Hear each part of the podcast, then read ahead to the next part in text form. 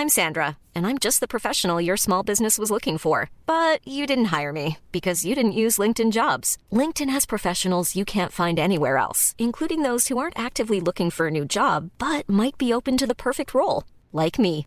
In a given month, over 70% of LinkedIn users don't visit other leading job sites. So if you're not looking on LinkedIn, you'll miss out on great candidates like Sandra. Start hiring professionals like a professional. Post your free job on linkedin.com/people today.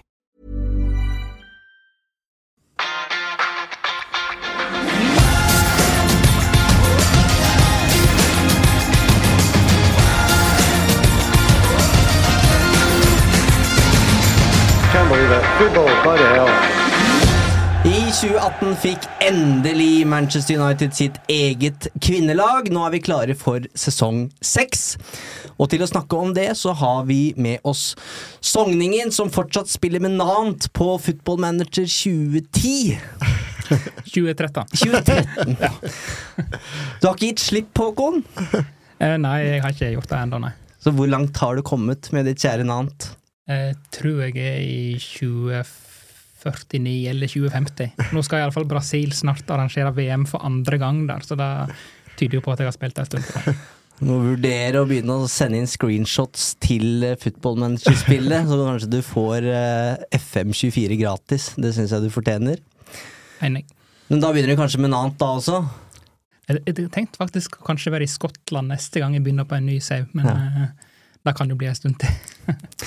Vi har også med oss mannen som bare spiser vafler og pølser til lunsj om dagen. Eh, Dag Langerød, du har vel også dine FM-triumfer på merittlista? Jeg er blant de som får Football Manager gratis, fordi jeg faktisk er med som en av de store oppdatererne av databasen til alle dere der ute som holder på med dette her. Så, men det er ikke vafler og pølser, det er sjafler, bare så dere, dere som vil sjekke hva det er for noe. Sjafler er det jeg spiser. Sjafler er det, og det har du egentlig fortalt oss, så den, den referansen burde jeg jo eh, spilt inn her. Hva er din største FM-triumf? Er det- FC Oss? Den har jeg hørt om eh, på kontoret før, i hvert fall et par ganger.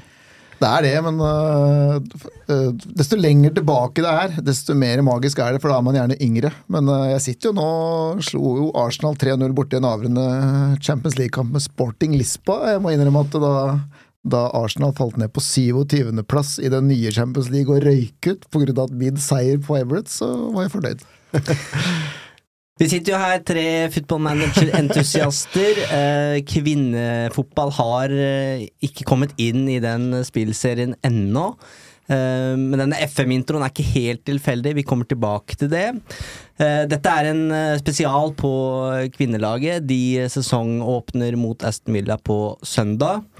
Um, og ja, vi skal se på de ti spillerne som har kommet inn i, i sommer. Eh, vi skal prøve å sette opp en førsteelver, selv om eh, kvinnelagsekspert Håkon mener at det kan bli en umulig oppgave. Og så skal vi høre hvordan du egentlig uttaler navnet til Uniteds nye brasilianer. Um, men først og fremst, eh, Dag. Um, det har jo nå vært fem år med kvinnefotball ikke på Old Trafford, men i, i Manchester. Eh, og interessen for, eh, for kvinnelaget er jo ganske stor også i Norge.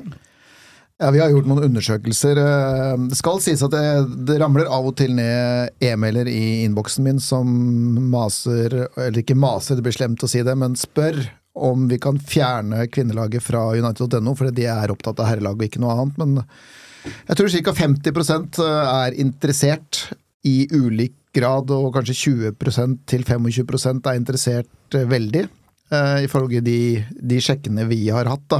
Uh, og så har jeg ikke sjekka nå etter at United er tilbake i Champions League, så det, jeg vil jo tro det at uh, hvis vi som er glad i Manchester United, ser et Manchester United kvinnelag som plutselig kommer inn i Champions League og gjør det bra i Champions League, og sånne ting, så er det også noe som kan styrke den generelle interessen. Da. Så vi står foran en veldig spennende sesong på mange områder, også pga. det.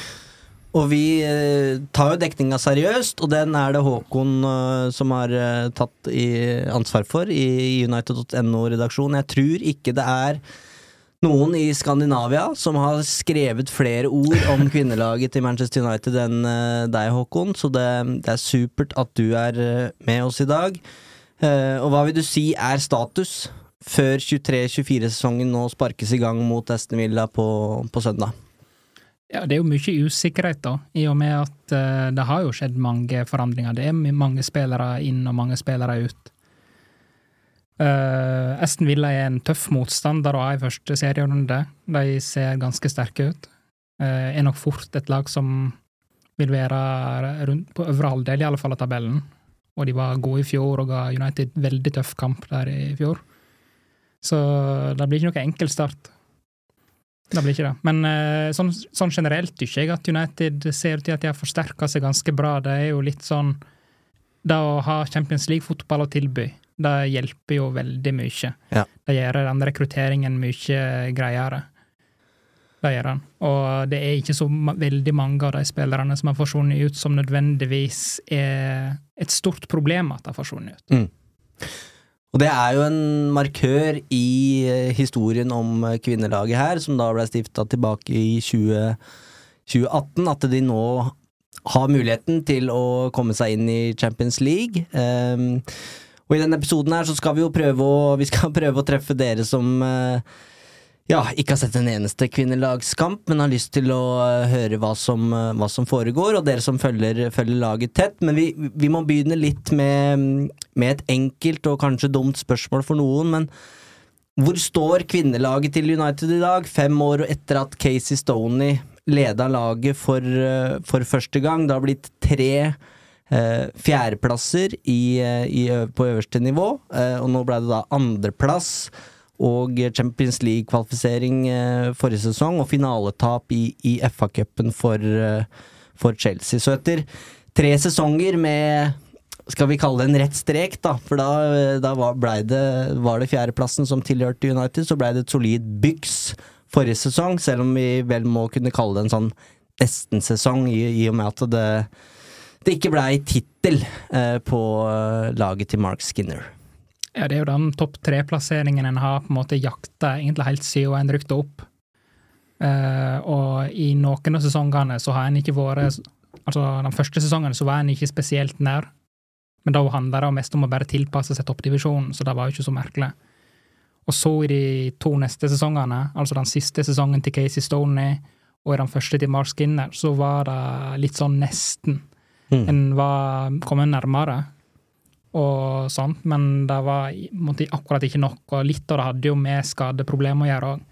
I den siste sesongen til Casey Stoney så var det veldig mange offensive spillere som var skada mot slutten av sesongen, i februar, mars, april. Mm -hmm. Og det ødela ganske mye for United der. Og så, når en da i eh, den første sesongen til Mark Skinner, så var nesten hele forsvaret skada.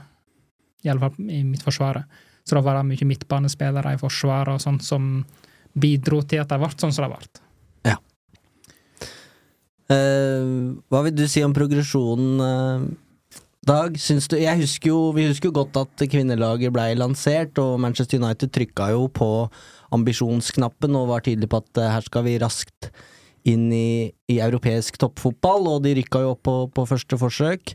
Og så føltes det i hvert fall det føltes jo tungt når Casey Stoney forsvant, men de har jo klart å, å bygge videre. Eh, har det vært som du har forventa, eller hadde du trodd at de skulle nå egentlig vært etablert i Champions League, f.eks.? Eh, det er flere måter å se det på, men hvis jeg bare skal ta det siste, altså hvor vi er akkurat nå, så ville jeg vært sånn at altså Erik Den Haag har Uniteds herrelag der Mark Skinner hadde kvinnelaget etter forrige sesong, på slutten av denne sesongen her, med Ten Hag, da, mm. da, da, ser det bra ut.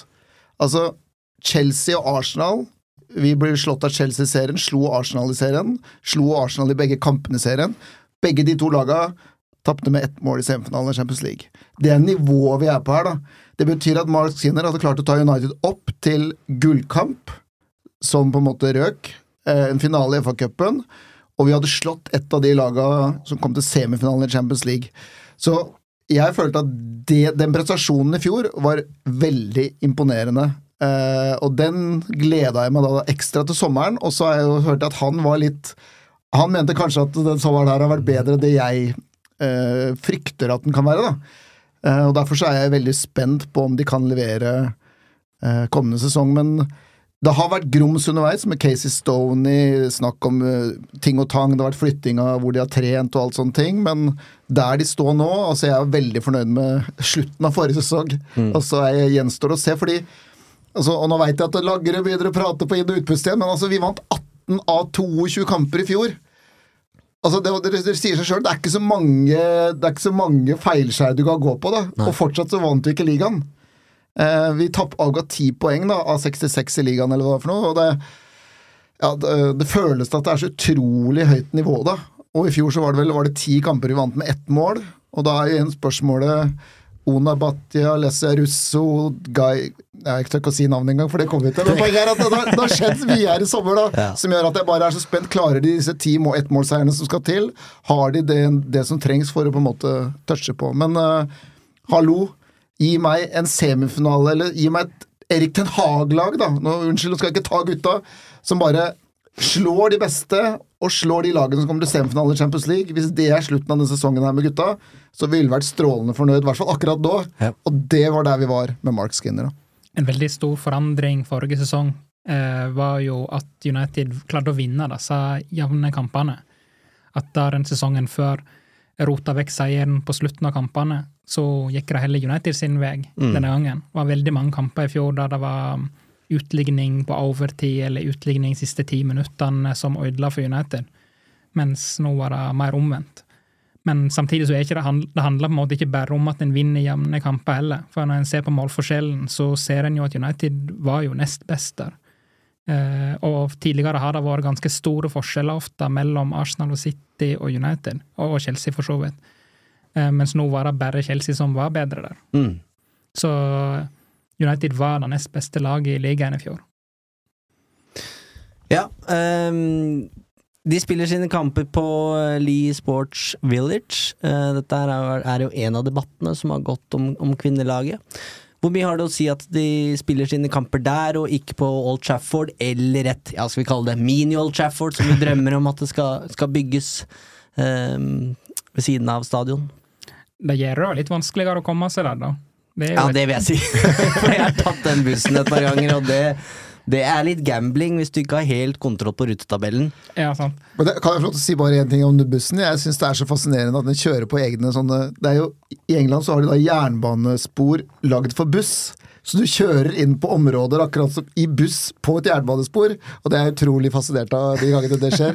Selv om jeg håper at Miljøpartiet De Grønne ikke ser det og tar det for så vidt til Norge. Men uh, vi har gjort, gjort, jobben for de som vil på Lee Sports Village. Hvis du trykker deg inn på eh, sesongen på United.no inn på kvinnelaget, så er øverste lenken der er en eh, oppskrift på hvordan du kommer deg til stadion. Ja, og det går òg busser fra Old Trafford-området til eh, Lee i forbindelse med hjemmekampene, så det skal være mulig. Og ellers så kan en jo ta taxi òg, selvsagt, hvis en bare vil gjøre det enklest mulig. Men eh, jeg tror det har en del å si for tilskuertallet. Det at det er vanskeligere å komme seg dit, det mm. har jo en del å si. Eh, men samtidig så er det ganske vanlig i kvinnefotballen dette her at uh, en ikke spiller på A-laget sin stadion. Og Da ser en jo at 11 av 12 lag i toppdivisjonen spiller jo ikke på uh, herrelaget sin stadion. Mm. Leicester er unntaket. I fjor var det òg Redding. Eller vent litt, kanskje det, det, er to, forresten. Bristol City òg spiller på, på, her, på herrelaget sin stadion. Ja. Så det er ikke uvanlig. Men uh, samtidig så er ikke det sånn at det er slik at supporterne virkelig har et stort ønske nødvendigvis om at en skal reise fra Li. Fordi at der blir det bedre stemning, rett og slett fordi de ikke spiller på en halvtom stadion. Mm. mm. United har vel én match på Trafford per sesong. Uh, de har, hadde to i fjor. De hadde to i fjor, ja. Uh, fordi at uh, tre til sammen. Kan det stemme? Uh, tror det blir totalt fire eller fem, men, eh, men ja. ok, da må jeg uh, sjekke kildene mine her. Uh, men det er i hvert fall planlagt en ny kamp Old Trafford mot City i november. Mm, og det er den første skikkelig toppkampen har der. Ja, og da håper de å slå rekorden på 30 000. Mm. Så får vi se um, om de klarer det. Det er litt med status, tenker jeg mest. Altså, for Man kan godt si at uh, Jeg ville synes det vært veldig rart å sette min kjære Ørn Horten spille for 400 tilskuere på Old Trafford. Mm. Men uh, sånn sett så er Lee bedre enn Old Trafford. Men et eller annet der med når du skal ta steg framover som klubb, og uh, på en måte som et merke, det med kvinnefotball og alt sånne ting.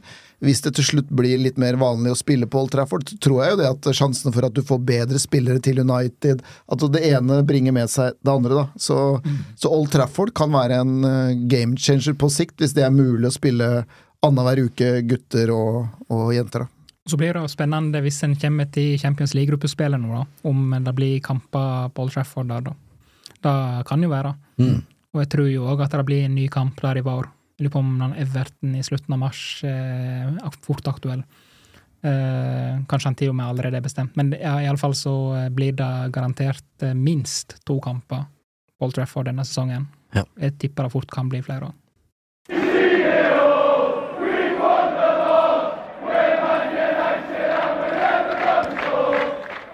Ok, eh, jeg vil ha noen eh, konkrete svar på tingenes tilstand her. Nå har vi eh, gått gjennom litt hva som har skjedd fram til i dag.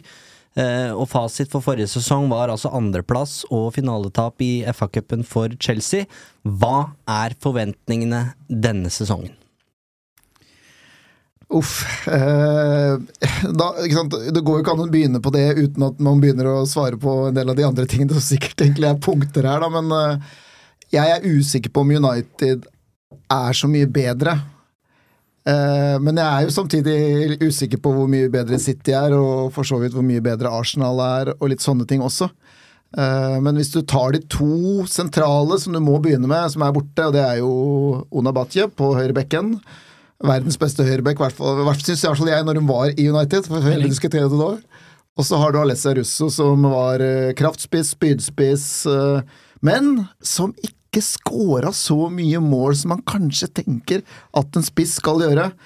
Og så har vi da fått inn eh, noen erstattere for disse her, og ikke minst denne spennende brasilianeren som Hva heter hun, eh, Håkon?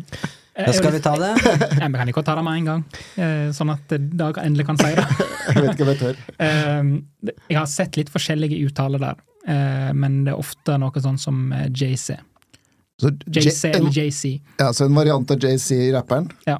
Ja, blir Enkel huskeregel. Den, den er fin. med litt annet trykk på eh, navnet. Mer, JC. eh, Mm. Ja, og det er jo i hvert fall en helt annen type spiss, det lille jeg har sett hittil. da. For det er jo dessverre så er det jo sånn at man har ikke Kvinnelaget går jo ikke på, på Viaplay eller MUTV hver kamp. Eh, Her er det kamper bak lukkede dører og eventuelt bare noen høydepunkter veldig ofte. Og spesielt på sommeren. Det er jo nesten sånn at du kommer til en lørdag, og så Oi, da, da får du vite at det er treningskamp i dag. Ja. Eh, Så de gjør det ikke lett for oss. Men jeg er litt spent, og hvis jeg bare skal kaste den ut, og jeg må jo stille spørsmål egentlig for jeg Altså hvem JC Altså, jeg ser ikke på Barcelona. Nå tenker jeg kan- jeg bare på rapperen. jeg, jeg, jeg, jeg har jo sett Barcelona noen Champions League-kamper, men jeg registrerer, hvis du bare tar henne, da, så var det Det var jo 17 kamper og 6 mål for Barcelona i fjor. Hun var, det var åtte stykker i Barcelona som leverte flere, flere mål. Eh, henne, og det, hun burde skåra flere mål enn hun burde ifølge det XG-greiene. Og det er sånn derre Hun skal jo da gå inn, og hvor skårer hun det der målet som Alessia Russo hedda inn i kanskje to eller tre kamper? Og hvordan tilpasser hun seg et land, en ny kultur, et nytt lag, og alle de tingene der. Og så er det lov å håpe, og ingenting hadde vært bedre at det lykkes, da, men jeg bare merker at jeg er spent. Så jeg, jeg håper egentlig at når jeg bare sender nå den stafettpinnen videre, så kan ikke du fortelle meg hvorfor dette blir bra, da? Eller overbevis meg. Eh. Jeg vil først eh, høre hva dine forventninger er, eh, Håkon, for du er jo inne på noe som er helt sentralt her i dag. De har mista sin toppskårer i Alicia Russo, og så har de ikke bare kjøpt uh, JC, uh, de har også kjøpt noen andre spisser, så det, det er tydelig at det er kanskje det store spørsmålet, men det kommer vi litt tilbake til. Uh, nå vil jeg først høre om eh, hva du tenker på oddsen på 6,5 på at United tar tittelen, Håkon. Er det riktig? Ja, det er sikkert eh, greit. Jeg tror ikke det er noen sånn voldsomme tittelforventninger egentlig i, eh, i, i United nå. Blir det Chelsea for fjerde gang? Jeg tror det fort blir Chelsea, altså. De er, de, de er en maskin i kvinnefotballen, de er det. Mm. Og de har gjerne planlagt for flere år framover på en bedre måte enn de fleste andre. Da. Sånn at når noen spillere reiser derifra, så har de gjerne noen klar som allerede har fått et år og tilpasse seg. Ja. og sånn sånt der. Eh, jeg tror jo at United vil merke veldig godt at Unabadje er vekke. Eh, hun eh, var United sin beste spiller de siste Som årene. høyreback. Som høyreback, Mm. og hadde jo 15 målgivende pasninger forrige sesong. Det sier jo litt. Så da, hun vil bli savna, og det kan en til dels si om Bruce òg, som vi også kommer inn på seinere. Men jeg tror jo en del av de overgangene United har gjort nå, betyr at United ikke nødvendigvis er svekka, i alle fall. Så er det 1,73 på, på topp tre, og det blir jo litt som herrelaget, at det eh, skal det være progresjon her, så må de i hvert fall eh, forsvare, mm, forsvare en plass innafor topp tre, så de får eh, Ja, nå veit vi ikke om de skal være med i Champions League den sesongen, her, men at de i hvert fall får muligheten til det også neste sesong. Ja, det er jo på en måte det helt avgjørende. Altså denne sesongen handler i stor grad om A. Å kvalifisere seg for Champions League-gruppespillet, og B. Å få sjansen igjen neste sesong. Mm. Men jeg sa jo i stad det der med at eh, jeg følte at de var på så god plass før sommeren, da. Og så sitter jeg her Jeg skulle gjerne hatt en sommer hvor altså, På en eller annen mirakuløs måte så hadde Oni Abati bare bestemt seg for å ikke reise tilbake til Spania og Barcelona. Hun hadde fortsatt. Og så hvis man først skulle bytta ut Russo, så hadde det kanskje vært med noen som jeg hadde følt var enda tryggere, da. Og da hadde man kanskje sittet her og snakka om en mulig tittel. Mens jeg føler nå at vi er fortsatt på forventninger som handler om Klarer vi en tredjeplass? Og der kan man havne på utsida også, hvis man er uheldig. For det, det kan være marginer også som er, er der sånn. Og det er kanskje der vi er, da. Og man ønsker kanskje mer fordi man fikk eh, snerten av noe som var større i fjor. Men så tror jeg kanskje vi da må akseptere at på veien mot det som forhåpentligvis skal kanskje bli Europas beste kvinnelag på sikt, så vil det også være sånne sesonger som de her, da. For det Onabate eller, og Russo, sånn der har det jo vært Det er ikke overraskende at de forsvinner. Og du har en Mary Earps-greie som kan komme her i tillegg. Så her handler det på en eller annen å komme på et visst nivå som klubb, som gjør at du kanskje blir det Håkon snakka om som Chelsea, da. At du er i forkant, og ikke liksom ender opp med sånn desperat uh, skulle kjempe uh, på etterskudd, da. Mm. Så Signeringen av Casey Stoney er vel kanskje den beste de har gjort. Um, nå er det Mark Skinner som leder laget. Hvor stor er tilliten til han, Håkon? Varierer veldig. Jeg tror de fleste vil si at han har sånn alt i alt gjort en ganske bra jobb. Han har leda United inn i Champions League nå, eller inn i Champions League-kvalifisering. Mm. Og gjort Altså, United var det nest beste laget i ligaen i fjor. Uh, og de kom til FA Cup-finalen. Det er veldig solid. Uh, og United har ikke nødvendigvis hatt like stort budsjett alltid som, uh, som enkelte av konkurrentene der, da. Som City og Arsenal. Så Mm. jeg syns han har gjort en veldig god jobb, egentlig. Men så har han òg Han skaper ofte en del frustrasjon blant supporterne med hvordan han uttaler seg, og en del eh, særegenheter med han, da, med hvordan han eksempel eh, velger nesten det samme laget hver eneste gang. Eh, noe som man nå sannsynligvis må justere seg litt på, da, nå som det blir Champions League-fotball. Mm. Og da har han jo vært åpen om sjøl òg at eh, det er noe som bli, kan bli annerledes. Stoney er i USA. Ja Var vel Hun, ikke helt eh, fri for dramatikk, den avgangen der. hun var ganske misfornøyd med en del ting eh, med, når det gjelder hvordan klubben ble driven. Og eh, Handler, handler det så om noe så enkelt som at eh, klubben ikke satsa så mye på kvinnelaget som det de hadde lova fra dag én? Det kan være. Jeg er litt usikker på eh, hvor, mye, hvor misfornøyd hun var med, med det økonomiske, for eksempel. Men eh, hun var definitivt misfornøyd med fasilitetene. Mm. Og jeg tror det er i ferd med å bli en del bedre nå. Det blir gjort mye arbeid på Carrington nå som skal gjøre forholdene bedre og bedre. I starten så var jo ikke de på Carrington engang. Um, og ja, jeg tror kanskje at avgangen hennes eh, kanskje Kanskje det fikk klubben tid å ta det litt mer på alvor, da. Mm. Og ting tok litt tid, var det ikke? Mitt inntrykk er at det var rett og slett Det har hele tida vært sånn at de skal inn der, og ting skal bli der, og så kom covid, og så kanskje klubben skyldte på det for at ting tok Så på, og til slutt så gikk da, da gikk, ble begeret fullt for Casey Stoney, da. Istedenfor kanskje å vente øh, og, og på at ting kom til å skje. Og det syns jeg egentlig er helt fair. Altså Du kanskje kommer inn og har forventninger, og når de ikke blir levert på, så, så vil du bli skuffa Ja. i enhver jobb. Ok, vi har snakka mye om denne sommeren, eh, så da får vi gå litt mer i dybden på hva det faktisk betyr. Jeg har notert meg 17 spillere ut og 10 spillere inn. Så det sier seg jo sjøl at det er vrient å, å sette ord på helt hva som skal være forventningene. Det er vel snakk om et nesten et helt nytt lag som skal, eh, skal fungere sammen. Eh, vi kan begynne å se på de som har dratt. Vi har, vi har nevnt Russo, vi har nevnt uh, Badje. Uh, Russo da til Arsenal. Uh, Badje til Barcelona. Um, så kan vi jo nevne her, dette er jo to nøkkelspillere for Manchester United som begge forsvant gratis. Uh, overgangsrekorden i kvinnefotball er på 400 000 pund. Så det er jo snakk om en helt annen verden her. Et helt annet marked. Um, hvor mange av de 17 som har forsvunnet her, er et tap for, uh, for Skinner, Håkon? Det er nok eh, Altså, det er helt klart mest under Badje. Jeg tror jo Altså, Russell var i førsteelveren, hun òg, men jeg tror egentlig aldri hun var helt den spisstypen som Skinner så for seg i laget sitt. Så jeg tror, jeg tror, egentlig ikke hun blir et fullt så stort savn annet enn i toppkampene. Spesielt mot Arsenal har hun vært veldig nyttig å skåra i fire kamper på rad mot Arsenal, og mm. tre av de vinnermål.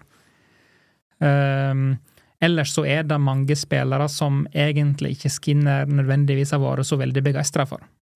Og spillere som har vært mer på benken og spilt litt ligacupkamper og ikke fått så veldig mange sjanser. Da. Nei. Vi kan jo begynne med de to norske. Vilde Bø Risa har uh, forsvunnet til Atletico Madrid. I en slags byttehandel blei vel det til slutt. Uh, mens Maria Torisdottir nå er i Brighton. Ja. Uh, Bø Risa er jo en av de spillerne som mange følte fortjente flere sjanser, men som aldri egentlig fikk noen reell sjanse, og Mark Skinner virker og. Sånn. Så jeg tipper jo at, eh, at egentlig tykke skinner nok det er helt ok at han på en måte er kvitt det i hermetegn problemet. Mm. Uh, selv om jeg tror at Børisa fort kunne vært nyttig denne sesongen her òg. Men, sånn, men, problemet, sånn som i fjor, da, som blir annerledes i år med Champions League spesielt, er at det er jo det var 22 kamper. Jeg, tror, jeg mener at serien starta i august i fjor også. Så det er 22 kamper fordelt ut på ti måneder. Da mm. Da blir det to kamper i måneden, da! Ja. Og da det blir jo nesten som Nå begynte vi hele sendinga med Football Manager. Altså, er det 100% på alle de beste spillerne, så kjører du jo stort sett på det, da. Så det, er, det var veldig vanskelig for Vilde Bø Risa og utfordrerne egentlig å kunne ordentlig ut, utfordre. Mm. Fordi de, det var liksom en Continental Cup-kamp med eh, er det det heter? Med de nest beste. Det blir liksom ikke det samme, da. Og, og da hjelper det heller ikke å komme inn på et kvarter på slutten, og Martha Thomas som, nå er i, som dro, liksom, som kanskje kom inn og hadde noen gode innhopp, og folk som bidro, men fortsatt så er det vanskelig liksom, å endre det som er det grunnleggende. Ja, og med fasit i hånd så kan en jo si at det fungerte for Skinner i og med at det ble andreplass og FA Cup-finale. Mm. Um, og en, Du nevnte jo Martha Thomas der, og hun var jo den spilleren som spilte fjerde flest kamper forrige sesong. Men jeg tror bare én eller to var fra start. Så. ikke sant. Men det er jo viktig bare for de som ikke eventuelt følger hver kamp. da, altså vi snakker om en manager når vi er liksom Mark Skinner, som jeg syns er verdens kjedeligste fyr å høre på. Hvert fall. Altså, ikke verdens mest karismatiske, men det er én seier fra ligagull, og det er én seier fra the double. Mm. Det, altså Én seier fra ligagull og én seier fra å vinne FA-cupfinalen. Og da hadde du hatt double og full utdeling. Det marginene United var fra, altså så tett på var det fra å være fullklaff. Og da kan man godt mene hva man vil, da. Men da, du kan liksom ikke ta med på resultatene, mener jeg da. Så. Absolutt ikke. Og selv om det er en del supportere som er del, ganske irritert på han, så er det òg veldig mange supportere som liker han, og de som har hatt noe med han å gjøre, møtt han og sånt, eh, liker han stort sett veldig godt og sier han er en veldig fin fyr. Hvor viktig var det å beholde Mary Earps og Ella Thun? Uh, Mary Earps uh, var en veldig viktig keeper for United forrige sesong. Det er ikke tvil om det. Og for England. Og for England. Hun blir jo, jo regna som verdens beste keeper nå. Had, hadde United eh, verdens beste keeper og verdens beste høyreback?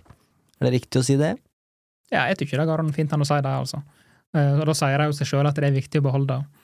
Uh, Earps uh, holdt jo nullen i ja, hvor mange kamper var det? 14 kamper, 14 av 22 ligakamper forrige sesong.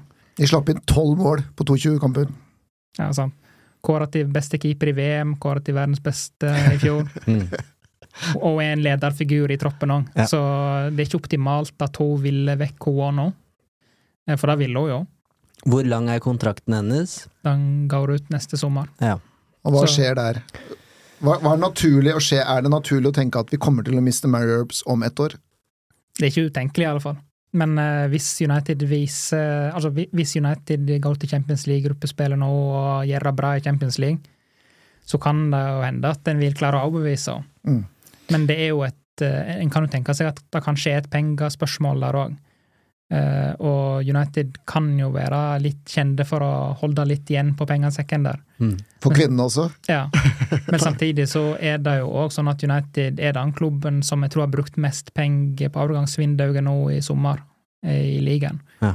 Uh, Så det er ikke sånn at uh, United bare sparer seg til fanter heller. Nei, for det er, som vi nevnte, det er overgangsmarkedet er en annen verden, og her handler det jo rett og slett om spillerne har kontrakt eller ikke ofte. Ja, det, det blir ofte sånn her, ja. Mm. All right. Um, vi går videre til de ti som har kommet uh, inn. Og eh, som vi var innom, uh, eller inne på, eh, her handler det om å erstatte Alessia Russo, finne noen som kan skåre mål. Så det kommer eh, tre angripere her med både erfaring og titler, og vi kan jo begynne med, med JC, som vant ligaen og Champions League med Barcelona i fjor. I look forward to seeing the fans celebrating my goals in the stands, sa hun i sitt, uh, sitt uh, signeringsintervju, så det tyder jo på litt selvtillit. Uh, hva slags spiller er denne brasilianeren, Håkon? Hun er definitivt mer teknisk begava enn Russo. Jeg tror hun blir en veldig morsom spiller å se opp på. Hun er en sånn spiller som vil få, folk, få publikum opp fra setene sine. Mye fine tekniske detaljer der. Hun er mindre fysisk enn Rousseau. Og så er det også verdt å si at hun kan spille i mange angrepsposisjoner. Det er ikke sånn at det er helt sikkert at hun kommer til å spille i nierrollen. Hun gjorde ikke det for Barcelona, der hun spilt mest på kanten. Så det er jo en Ja. grunn til at hun ikke har, skåra så mye mål. Ehm, så det handla jo i Barcelona litt om at hun ikke fikk alltid spille så sentralt som hun ville, for hun liker seg best sentralt. Eh, og at hun ikke fikk spille så mye som hun ville. Formasjonsmessig, hvordan er det Skinner som regel setter opp laget? Det er en ganske typisk 4-2-3-1-formasjon. Ja. Så hun kan jo Altså, jeg tenker egentlig at hun kan være et alternativ til alle de fire fremste posisjonene der, eh, JC. Litt skeptisk, Dag?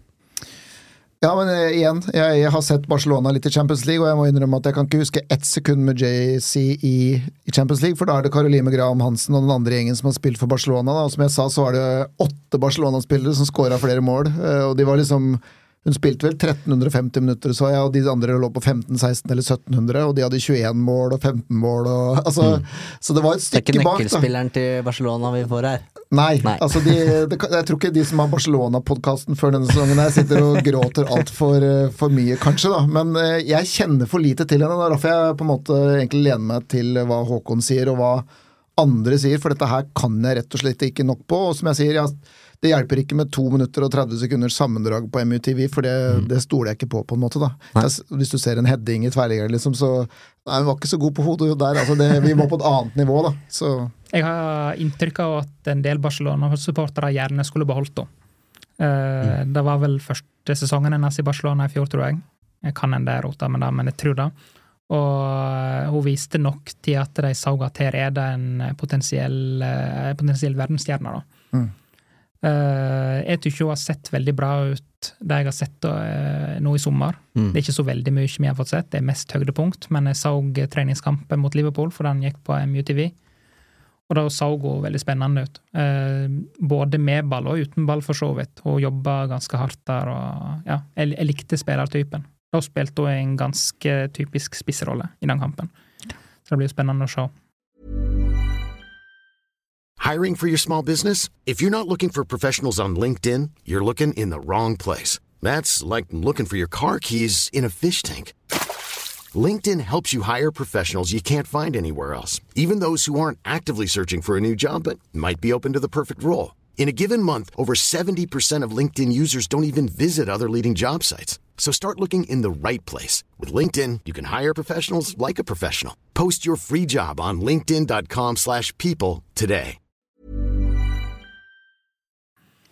Spiss nummer to er Hinata Miyazawa. Um, Toppskårer i VM. Skåra det tredje målet mot Norge i, i Japans 3-1-seier. Jeg er litt spent på om hun kommer til å spille spiss i det hele tatt, da, fordi at Ja. hun har spilt um, veldig mye sentral midtbane og venstreving. Uh, hun kan, i likhet med JC, spille i de fleste offensive roller, egentlig, men uh, spilte vel mot Liverpool da hun kom inn på der, da, så spilte hun i en slags uh, åtterrolle. Eh, og det kan være at det er der hun ender opp, men hun kan også spille mer offensivt. da. Men det, det som er spennende her, er jo eller spennende usikkert, da, som er kanskje litt Vi henter da en brasse med ett år bak seg i Spania, jeg husker ikke hvor hun var før det igjen, men altså vi Hun var i Spania før dag. og ja, ja, så var det en japansk uh, spiller fra Japan. Mm. Eh, Fra og- japansk fotball. Så du, og de skal til Manchester, og så skal de levere fra bortimot dag én for et lag som skal helst ta nye steg og vinne serien og FA-cupen og komme til Champions League-semifinaler og alt. Og det er, hva skal jeg si, i den grad vi legger press på Rasmus Høylund, da, så er det kvinnelaget legger jo Det kommer til å legge et press på her, for med en gang du spiller 0-0 eller 2-2 og ikke får vinnermålet, så vil jo folk se på blant annet de to, da. Så, så det vil ligge et press her sånn, og så kan det godt hende de fikser det. Og hvis det er én ting jeg skal si om jeg tenker i hvert fall på nå, og igjen, nå relaterer jeg veldig ofte til gutta da, men altså Asiater, det er et eller annet med kulturen, arbeidsmoralen som ligger i bunn, som jeg liksom aldri egentlig man tviler på, da, mens kanskje eh, folk som vokser opp i Brasil, og da snakker jeg ikke om JC, men kanskje Neymar liker å rulle, for det er kanskje det han har vokst opp med. Mens eh, arbeidsmoralen til japanske spillere er sånn jeg tenker bare at her er det en som kommer til å gå inn og gjøre jobben sin så godt hun kan hele tida. da. Hun ser ut til å ha et veldig fint driv med ballen, etter det jeg har sett. Uh, og hun har en spennende skuddfot. Uh, så ja, det er jo det er jo en grunn til at Er hun det kvinnefotballens Frank Lampard vi snakker, eh, snakker om her? Kanskje? Som, som 37-åring eller 24-åring? Kun basert på Håkons eh, beskrivelse her, men uh, ja. Hun er 23 år gammel, eh, så hun har iallfall framtiden for seg. Men det er, det er som så Dag sier, at det er et usikkerhetsmoment da at hun aldri har spilt i Europa før, da. Eh, Så en veit jo ikke helt hva en får, men eh, det jeg, det jeg har sett henne, har vært lovende, i alle fall. All right. Uh, nummer tre kommer fra Frankrike. Uh, Melvin Malard eh, kom på lån fra Lyon, har vunnet Champions League fire ganger! Oi! Ja. Eh, Spilt i to Champions League-finaler, da. Men igjen, det er vel ikke stjerne, stjernespilleren til, eh, til Lyon her. Det virker jo som hun har spilt litt andrefiolin bak uh, Ada Hegerberg. Ja, og det er jo ingen skam i det. Nei. Uh, jeg tenker jo at eh, den Champions League-erfaringen hun har, er i alle fall veldig nyttig for United nå som de skal inn i Champions League. da. Eh, jeg skal ikke si jeg har sett veldig mye av henne, men hun, hun ser ut som en god hovedspiller og kan nok ta litt av den, de, altså, litt av den rollen som Russo har hatt, da, som et Mm. oppspillspunkt. Så de gangene en har lyst til å ha sånn, en sånn type spiller, så kanskje Malard kan være, være den rette spilleren. Men hun er jo også en sånn spiller som kan, kan spille spiss, men òg har spilt mye på begge kantene. Eh, men, men hun er en, eh, det, er en grunn til at hun var i Lyon og at hun har spilt i Champions League-finale. Det er en bra spiller. Det er det. Så United har altså henta inn eh, tre angrepsspillere, i hvert fall med, som kommer med mange titler eh, på merittlista. Eh, og så er det en del andre navn her som, eh, som også er kommet inn, og jeg vil begynne med Irene Guerro, ja. Guerrero er vel riktig uttale der, som kommer fra Atletico Madrid, fersk verdensmester.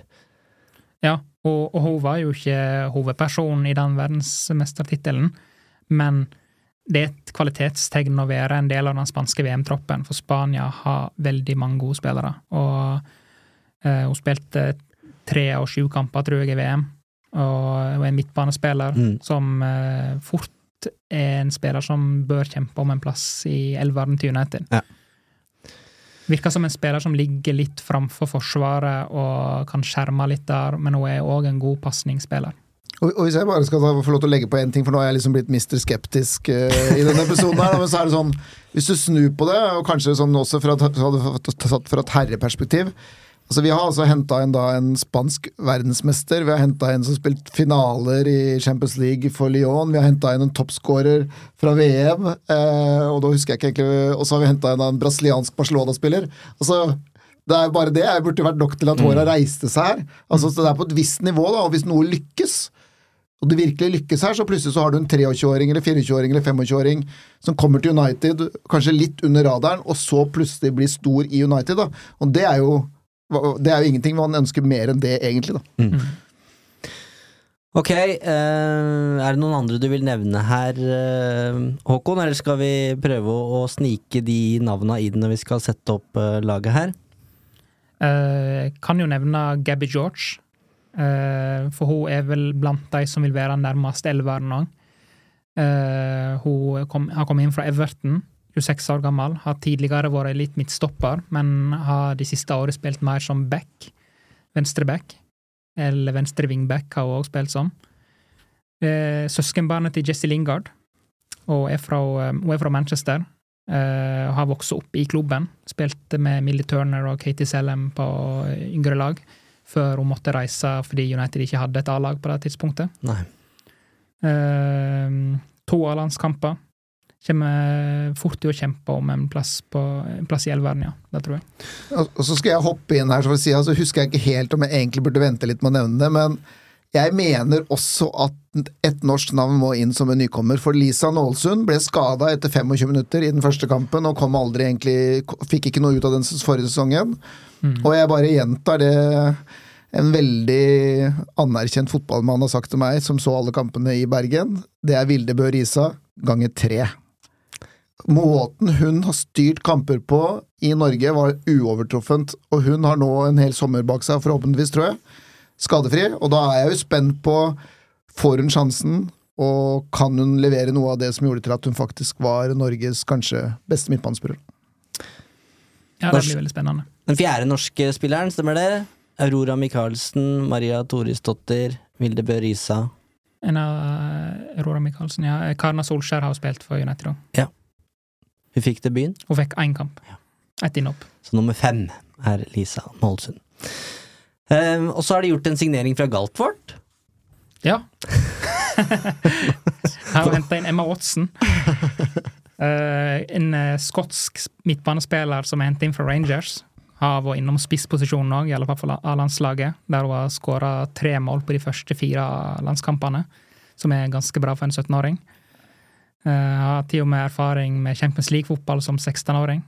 Skåra mot Benfica i Champions League-kvalifiseringen i fjor. Uh, virker veldig spennende. Uh, jeg jeg har ikke sett mye av henne. Jeg har sett henne Jeg så henne i treningskampen mot Liverpool. Det er bortimot alt. Ellers har jeg bare sett klipp av henne. Men uh, hun virker som en veldig spennende spiller, i alle fall. Om hun er i førsteelveren denne sesongen, det er jeg mer usikker på. Men eh, på sikt så kan fort United ha en juvel her. Vi får se hvor magisk det blir. uh, la oss sette opp laget. Ok, uh, vi skal sette opp de elleve som vi tror på en måte blir førsteelveren denne sesongen her. Og jeg innleda jo episoden med, med litt football manager-referanser.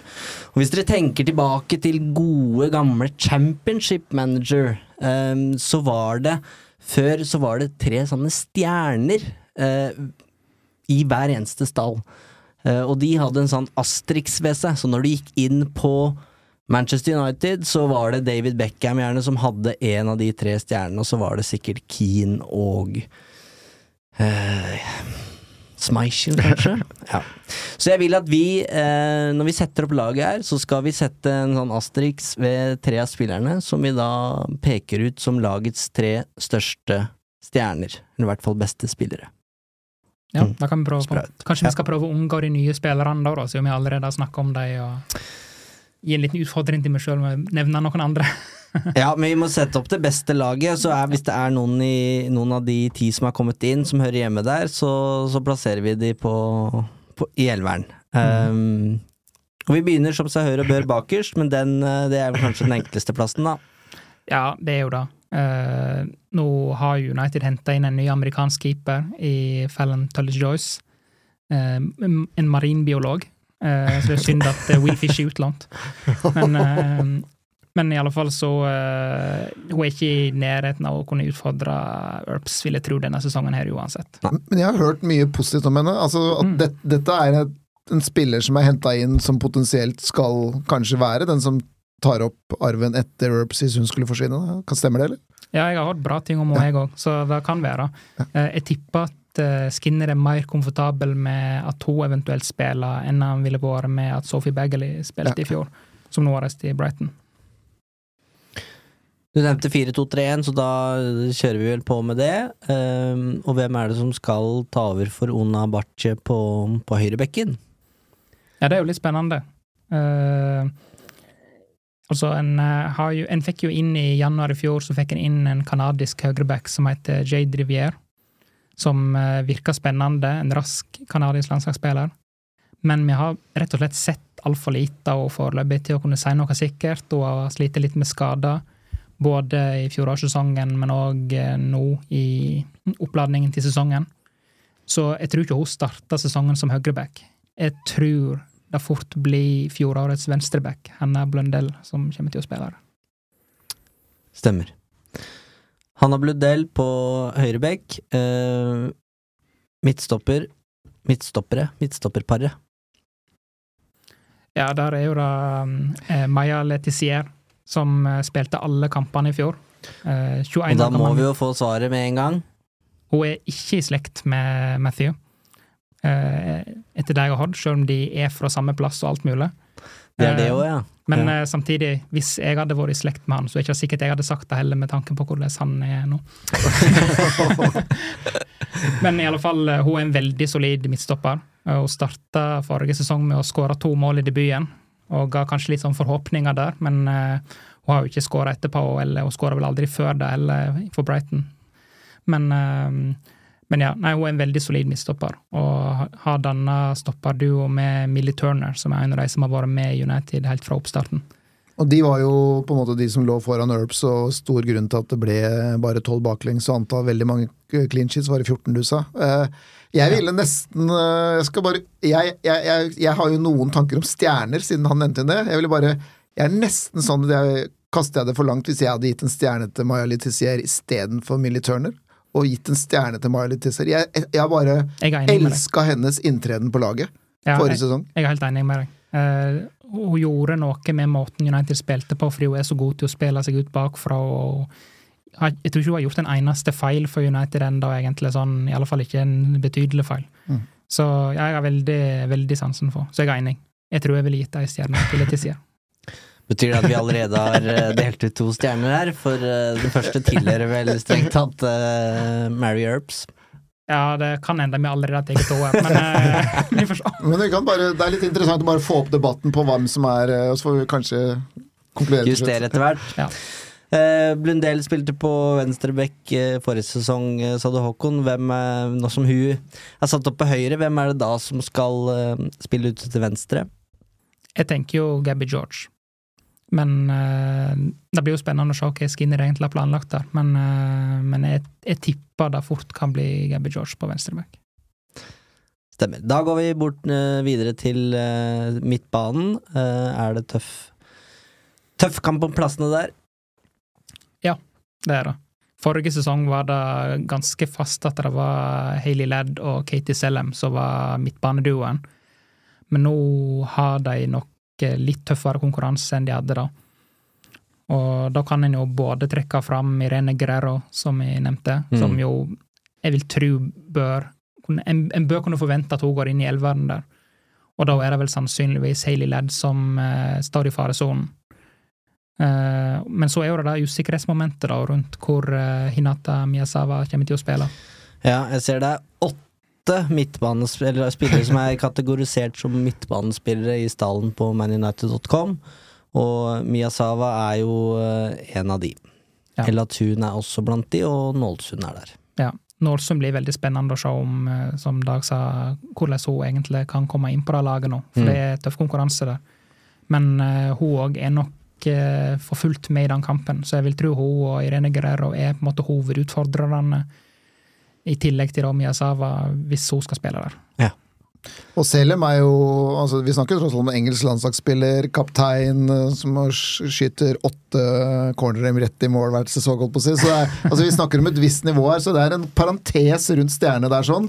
Men akkurat i det laget her, så rekker hun ikke helt opp, da, mener jeg, ja. totalt sett. Men det er ikke langt unna, og jeg tror hvis du hadde betydningen, og med henne som kaptein og dødballfot og alt det greiene der, så, så tror jeg fort hun kunne kanskje måtte inn for en stjerne, hun også. Ja. Jeg eh, tror dette fort kan bli den første sesongen der eh, hun virkelig får tøff konkurranse. Mm. Nå eh, har hun vært egentlig ganske fast på laget, og det er jo litt av det som har gjort at Vilde Bø Risa ikke fikk spille, for eksempel. Da. Men eh, nå virker det som om det endelig er konkurranse der, og da ikke det sikkert at hun har klippekort på lag, selv om hun er kaptein. Det blir jo spennende å se. For hun har jo noen åpenbare kvaliteter, men så har hun jo noen svakheter også i spillet sitt. Da. Ja, definitivt. Men hvis vi skal velge to, hvem blir det? Ja, jeg, jeg, altså, nå skal jeg sende det videre til han, men jeg, jeg tror bare Mark Skinner forrige sesong valgte samme to hele tida, så tror jeg tenker jeg at det blir Katie Sellev og Hailey Ladd fram til det motsatte bevisste året her også. Det, jeg blir ikke overraska om de to starter sesongen eh, som sentrale midtbanespillere, nei. Men uh, da prøver jeg bare for å si noe annet, da. Så sier jeg Selem og Guerrero. Så kan det stemme at bare kjapt at Lads plutselig var på midtstopperplass i forrige Var det, var det jeg som surrer nå? Ja, og Hun spiller midtstopper for det valisiske walisiske landslaget, så hun kan spille midtstopper, hun kan spille høyreback. Men og hun har spilt den noen ganger for United òg, sånn når det har vært skadekriser og sånt. Men, eh, men hun er nok bedre på den sentrale midtbanen. Ja, jeg begynte, jeg tenker på om Skinner egentlig begynte å forberede Guerrero eller Nålesund inn, og at Ladd skulle finne seg en annen rolle. litt sånn. Ja, det, det går an å tenke seg, da. Og Letizier, som vi snakket om, kan også spille høyreback. Mm. Så det går an å se for seg eh, litt ulike varianter der, egentlig.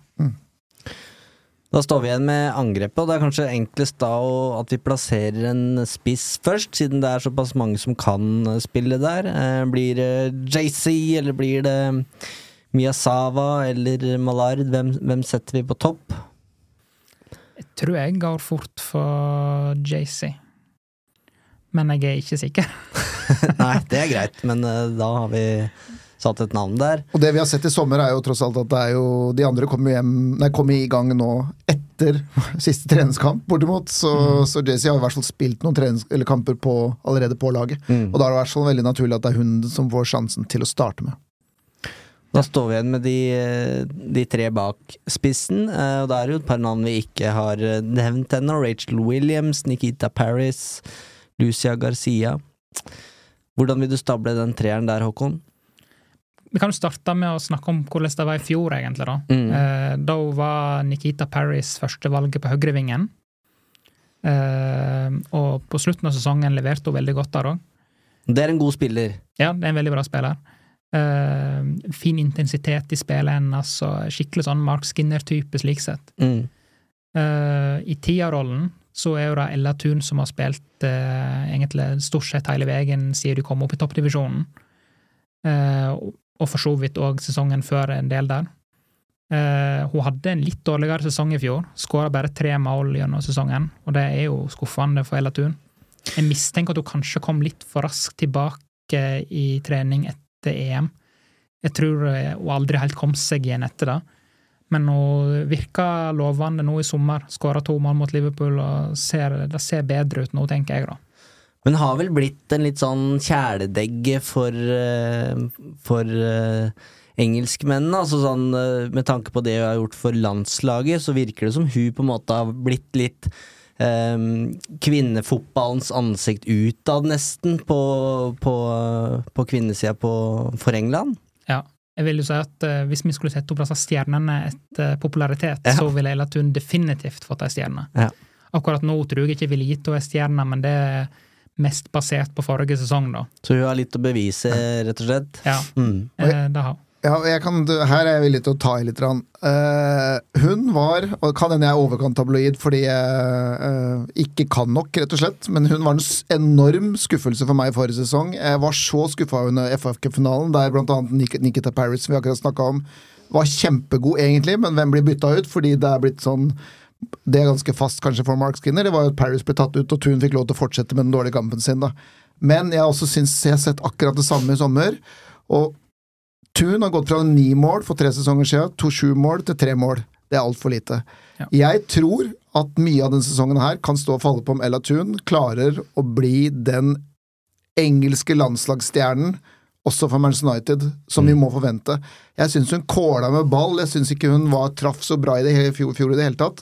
Men hvis hun klarer å finne tilbake til det talentet som gjør at hun har blitt Englands kjæledegge, og har egentlig gjort seg fortjent til en plass også på det engelske landslaget som et av verdens beste, da kanskje vi kan på en måte leke litt grann mot Chelsea, men det må på plass. altså. Vi kan ikke ha Ella Thun sånn som hun var forrige sesong. Nei, det går ikke. Og hvis da JC og Nå husker jeg ikke navnet på til og med Mallard.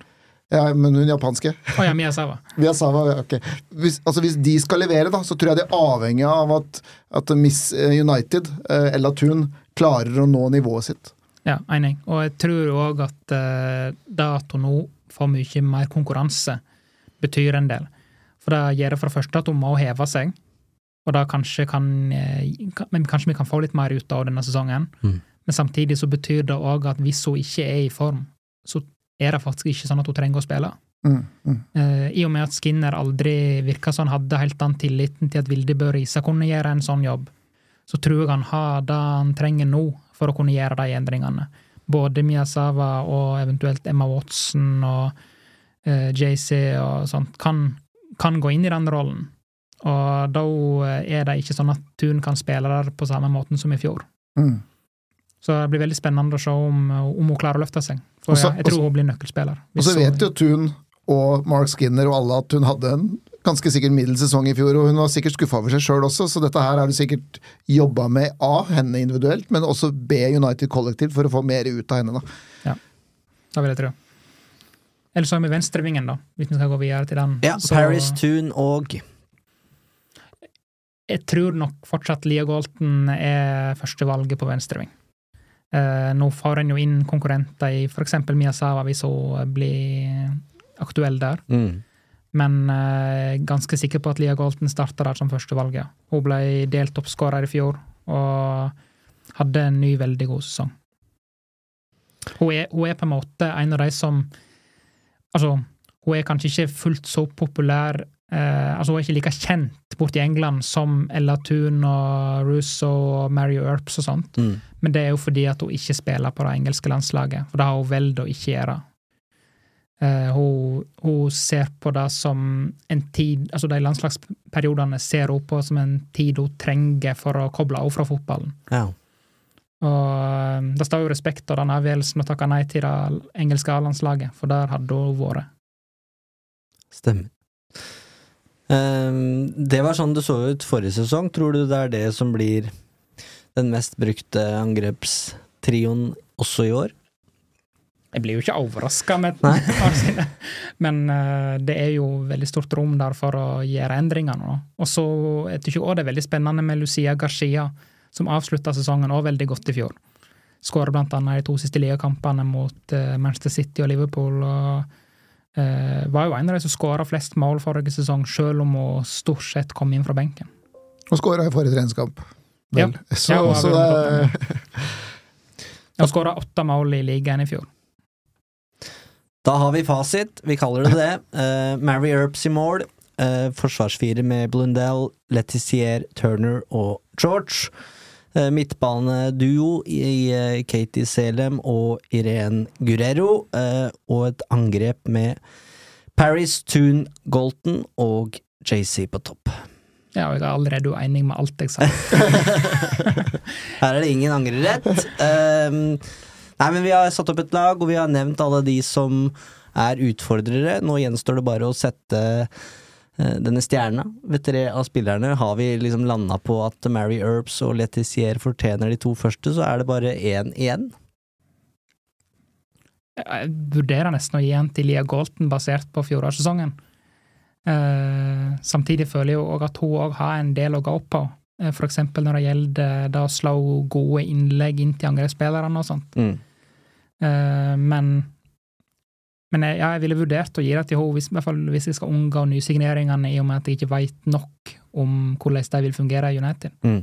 Og jeg vil gi den til Ella Thun, fordi jeg tror vi er avhengig av at Erbs, uh, Letizier og Thun, som er mine tre, ville vært mine trenerstjerner, leverer denne sesongen her for at det skal fungere både defensivt og offensivt.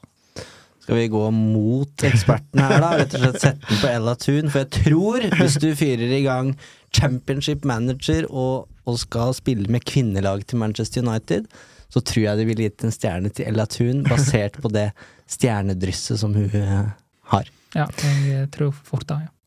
Og så vil jeg bare legge til én ting på Ella Thun som jeg bare digger. da, for det, det har jo, Nå er jo Earps kanskje på vei ut, og vi har mista Batje og vi har mista Russo. Men Ella Thun skrev under en langtidskontrakt med United for er det halvannet år siden eller ett år siden, eller noe sånt nå, og det er en eller annen signaleffekt i det da, som jeg liker, og spesielt når kvinnefotballen er sånn som den er, at det er lavere lønninger uh, generelt for alle, og at kanskje alle vil da utnytte den muligheten det er å skifte klubb og hente penger, men at hun tok det valget, selv om hun kanskje kunne gjort tjent mer penger andre steder. Ja, og det er jo også sånn at eh, kvinnefotballen er i ganske kraftig vekst i England. Mm. Og da kan en jo òg forvente seg at eh, lønningene vil øke de neste årene òg. Eh, for det er ikke tvil om at populariteten har gått kraftig opp med TV-avtaler med Sky Sports og uh, ja, med den suksessen en har hatt i EM, og nesten i alle fall i VM så har interessen økt ganske mye. Så en merker det jo med høyere tilskuertall og mer interesse uansett hvor en ser kampene nå. Og nivået, altså nivået på Det skal riktignok sies at jeg så USA i en VM-finale var det, det blir fire-fem år siden nå, og det var jo fantastisk kvalitet der også, men nivået er på vei opp, og det er derfor jeg er liksom litt sånn spent Emma Watson, da. Altså ikke Galtvort Emma Watson, men vår Emma Watson. altså For jeg tror nivået generelt på kvinnefotballen i verden, altså uansett hvor du ser, er at spillere blir bedre i en yngre alder, og jeg tror at det kan eksplodere i nye 16- og 17-18-åringer som kommer opp og bare tar et helt annet nivå enn det vi har vært vant til for 10 og 5 år siden. Da. Og derfor så blir jeg sånn, Hver gang jeg ser en 16-åring og 17-åring, så tenker jeg liksom Tenk om det er den neste, da. At det kan komme flere sånne historier. Så ja, heia Emma.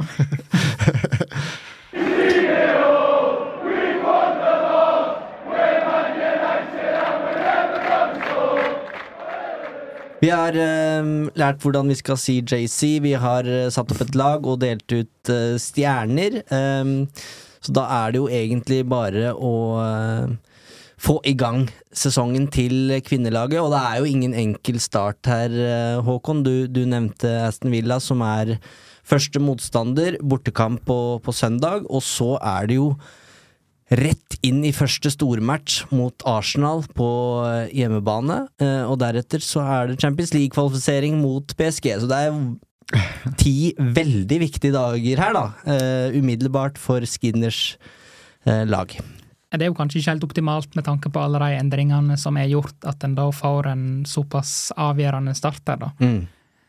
Veldig spent på den Arsenal-kampen. supporterklubben kommer til å ha egen buss til den kampen. Eh, med de som er reisende den helga. Eh, det blir da fredag 6. oktober, når kampen blir spilt.